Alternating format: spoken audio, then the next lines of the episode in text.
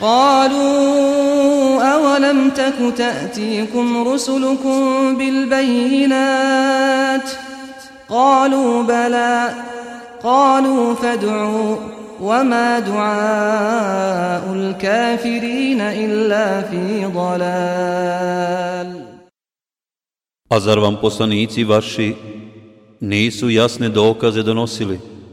Upitaće oni. Jesu. odgovorit će Molite onda vi, reći će oni, ali će molba oni koji nisu vjerovali uzaludna biti.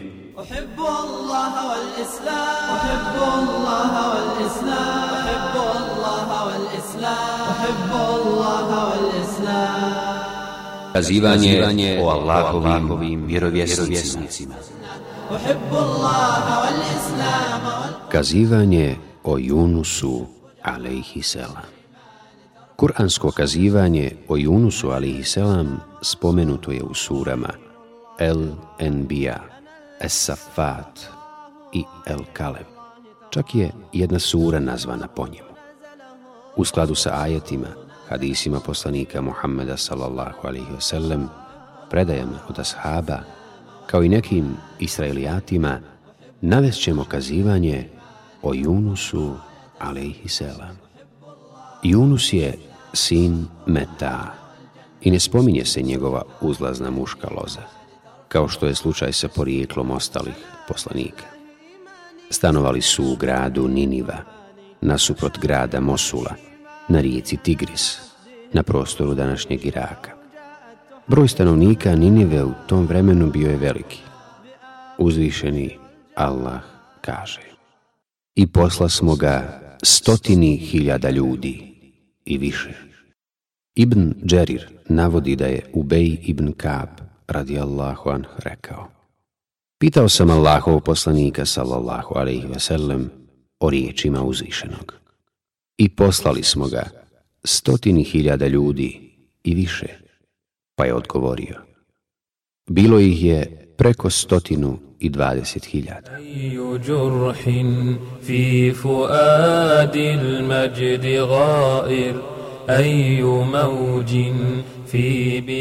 Allah uzvišenim je poslao Junusa selam, njihovog sunarodnjaka, da ih pozove vjerovanju u Allaha uzvišenog, kao jedinog Boga. Oni su odbili povjerovati i bili uporni u svom nevjestu i inatu. U laž su ga ugonili. Kada se ovakav odnos prema njegovom pozivanju i njemu odulio, on im je rekao da će ih, ako ne povjeruju za tri dana, zadesiti kazna. Allah uzvišeni mu je dozvolio da ih upozori i da im kaže kako imaju samo tri dana da povjeruju u ono čemu ih poziva ali mu nije dozvolio da ode od njih, što je on, izgubivši nadu, poznavajući ih, učinio. Kada je otišao od njih, počeše se obistinjavati znakovi Allahove kazni nad njima. Prekrio ih je veliki crni oblak, iz kojeg se jasno vidjelo zlo po njih i kazna. Kada su ugledali te oblake, shvatiše da će se Junusova prijetnja Allahovom kaznom nad njima obistiniti. Sakupili su se prvaci tog naroda i rekli Ovo je totalno uništenje. Zadesit će nas isto ono što je zadesilo narode prije nas. Sakupili su se ljudi, razgovarajući o novonastaloj situaciji, jednoglasno zaključili. Tako nam Allaha, istinu nam je rekao Junus, Allaha nam, ovo je kazna i nema nam spasa od Allahove kazne, osim da povjerujemo u Allaha i te učinimo. Obukli su isposničku odjeću, razdvojili svako mladunče od njegove majke, a zatim su skrušeno i ponizno molili Allaha uzvišeno da im oprosti. Dok su molili, svi su plakali. Ljudi, žene, sinovi, kćerke. I krupna i sitna stoka se uskomešala i uznemirila. Deve i njihova su curikala, krave i telad mukala, a ovce i janjac su blejala. Bio je to veličanstven i jeziv prizor. Tako su proveli tri dana. Plakali su i Allaha uzvišenog preklinjali za milost. Zbog svega ovog, Allah uzvišen je svojom moći i milošću otklonio od njih ranije zasluženu kaznu, koja se već bila nadvila iznad njihovih glava, poput mračne i teške noći. Uzvišeni Allah kaže.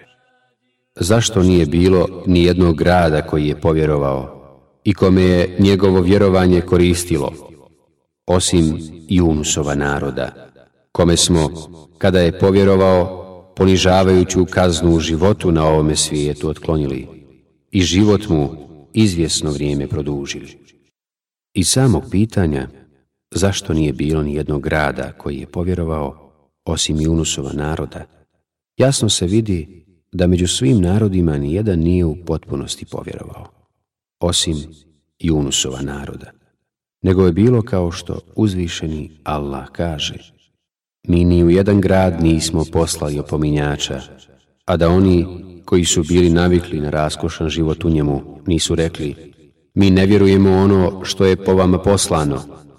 Oni su svi povjerovali iz straha da ih ne stigne kazna, na koju ih je upozorio njihov poslanik. Iskreno su se Allahu uzvišenom obratili, iskreno mu se predali. Po pitanju hoće li im njihovo vjerovanje koristiti i na ahiretu, i hoće li ih spasiti od onosvjetske kazne kao što ih je spasilo od ovosvjetske, mufesiri se razilaze. Jedni smatraju da im je njihovo vjerovanje koristilo samo na ovome svijetu, a drugi smatraju da će im koristiti i na budućem svijetu. Mišljenje da će im koristiti i na budućem svijetu je ispravnije.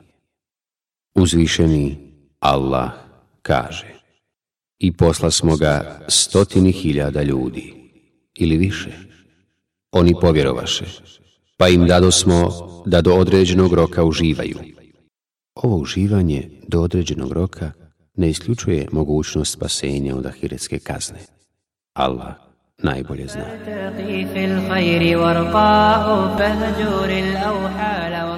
Što se tiče Junusa, Selam, on je, nakon što ih je napustio, otišao na obalu mora. Zajedno se sa jednom grupom ljudi ukrcao u lađu, te su se otisnuli njome na pučinu. Lađa je bila preopterećena, pa je prijetila opasnost da potane. Nastupilo je i nevrijeme. Malo je falilo da se svi utope. Pobacali su tovari i robu, ali to nije bilo dovoljno.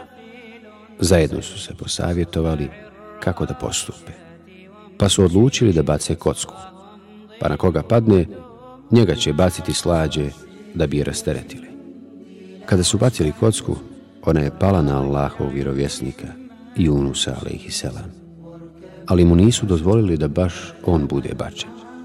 Kada su kocku bacili drugi put, ona je opet pala na njega.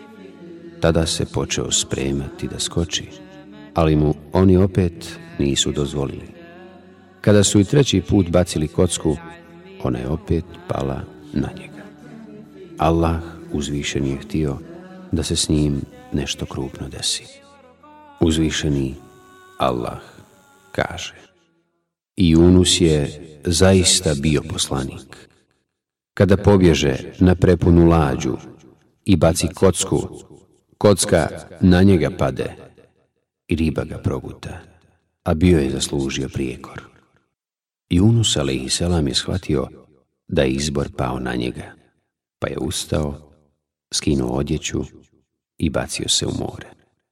Ibn Mesud, radi Allahu anh, kaže Allah je poslao veliku ribu koja je prekrstarila mora da bi došla i progutala Junusa. Allah je nadahnuo ribu da mu ne drobi kosti i da joj Junus nije obskrba, kao i to da će njena utroba za njega biti samo zatvor. Pošto se Junus ali i selam našao u utrobi ribe, pomislio je da je mrtav. Zatim je mrdnuo glavom i pružio svoje noge i ruke. Vidio je da je živ, pa je ustao i klanjao u utrobi ribe. Pao je Allahu uzvišenu na seđdu i rekao Gospodaru moj, činim ti seđdu na mjestu na kakvom je nikada niko nije učinio. Ta riba ga je u svome stomaku pronijela kroz mnogo mora. Nema jednoglasnog mišljenja po pitanju dužine njegovog boravka u unutrašnjosti ribe. Katade kaže da je unutra ostao tri dana. Džafer Sadik kaže da je ostao sedam dana, a Ebu Malik kaže da je u njenoj utrobi proboravio 40 dana. Postoji mnoga druga mišljenja, a Allah najbolje zna koliko je vremena u njenoj utrobi ostao. Ibn Đerir prenosi od Ebu Hureyre radi Allahu anh da je poslanik sallallahu alihi wasallam rekao Kada je Allah htio da zatvori Junusa utrobu ribe, objavio joj je Progutaj ga, ali mu nemoj jesti mesa, ni lomiti kosti. Kada ga je ona snijela na dno mora, Junus je čuo neke glasove pa se zapitao, šta je ovo? Allah mu je tada objavio. Ovo me slave morske životinje, pa je i on u utrobi ribe počeo slaviti Allah. Ibn Ebi Hatim prenosi od Enesa radi Allahu anh, da je poslanik sallallahu alihi wasallam rekao. Kada se vjerovjesnik Junus u utrobi ribe prisjetio da učini dovu, to je učinio ovim riječima. لا إله إلا أنت subhanaka inni kuntu min zalimin. Allahu, nema Boga osim tebe. Hvaljen neka si, ja sam se doista prema sebi ogriješio. Ta dova je doprla do pod arš, pa su meleki rekli, gospodaru. Odnekle se čuje jedan poznati prigušen glas. On reče, Zar ga ne prepoznajete? Ne, gospodaru, rekoše oni. Ko bi to mogao biti? On odgovori. To je moj rob i unus. Oni rekoše. To je tvoj rob unus od kojega se stalno uzdižu djela koja se primaju i dove koje se uslišavaju, a zatim nastaviše. Gospodaru naš, zar mu se neće smilovati zbog onoga što je uradio u blagostanju i spasiti ga iz nevolje. Hoću, reče on. Uzvišeni Allah kaže. Izun nunu, kada ljutit ode i pomisli da ga nećemo kazniti, pa poslije u tminama zovnu. Nema Boga osim tebe, hvaljen neka si. A ja sam se doista prema sebi ogriješio. Mi mu se odazva smo i iz nevolje ga izbavismo. Tako mi spasavamo vjernike. Spomenute tmine u ajetu su tmina mora, tmina riblje utrobe i tmina noći. Tako Allah uzvišeni spašava sve vjernike kada ga pribelaju i nedaći mole ovom dobom. Podsticanje na učenje ove dove preneseno je i od poslanika Muhammeda sallallahu alaihi wasallam. Imam Ahmed, Tirmizi i Nesai navode da je Sa'ad ibn Ebi Vekas radijallahu anh rekao Poslanik sallallahu alaihi veselem nam je jednom prilikom počeo govoriti o najboljoj dobi. Tada je naišao jedan beduin i zadržao ga sve dok poslanik nije ustao i krenuo. Ja sam krenuo za njim i kada sam se pobojao da će mi umaći u kuću, udario sam stopalima u zemlju pa se poslanik okrenuo prema meni i rekao, ko je to? Je li Ebu Ishak? Rekao sam, jeste Allahu poslaniče. Počeo si nam pričati o najboljoj dovi, pa je došao onaj beduin i prekinuo te. Onda je rekao, da, to je Zunnunova dova dok je bio u utrobi ribe.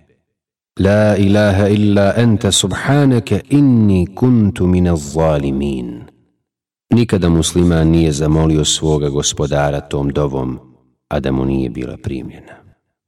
Uzvišeni Allah kaže I da nije bio jedan od onih koji Allaha slave, sigurno bi ostao u njenoj utrobi do dana kada ćete biti proživljeni.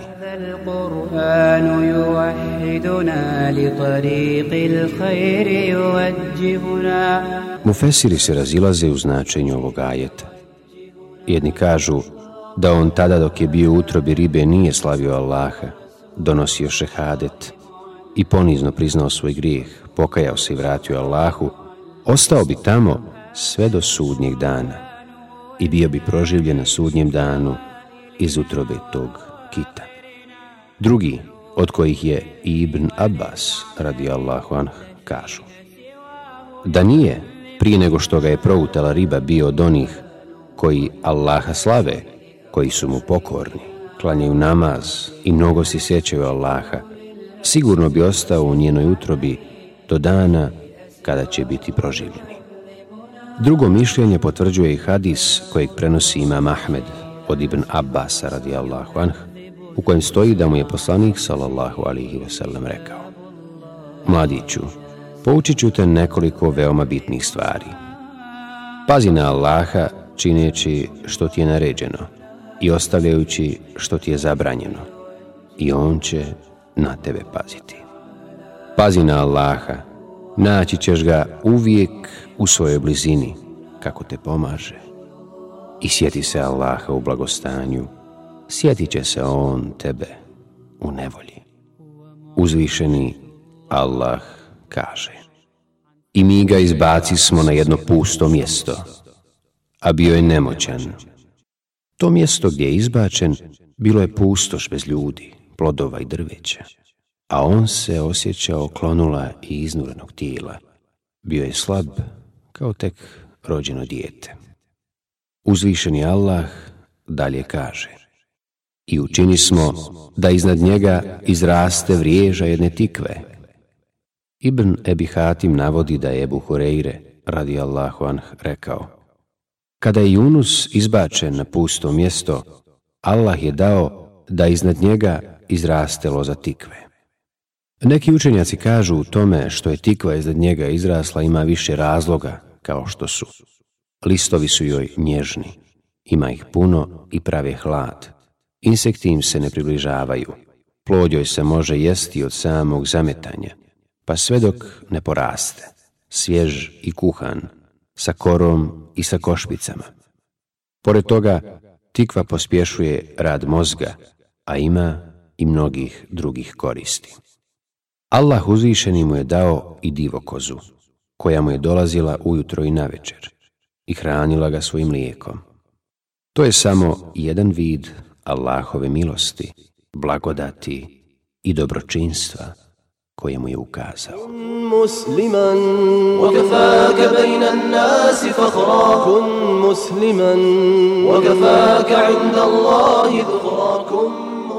Ukazivanju o Junusu alaihi selam je opomena i našem poslaniku sallallahu alaihi wasallam da svoju poslaničku misiju tačno i precizno odradi i da ništa ne čini bez Allahove dozvole.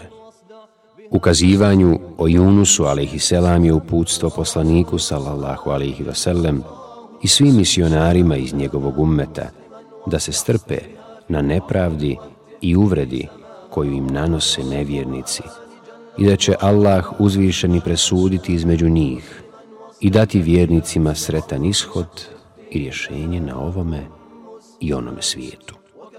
Uzvišeni Allah kaže Ti strpljivo čekaj presudu svog gospodara i ne budi kao onaj koga je riba progutala.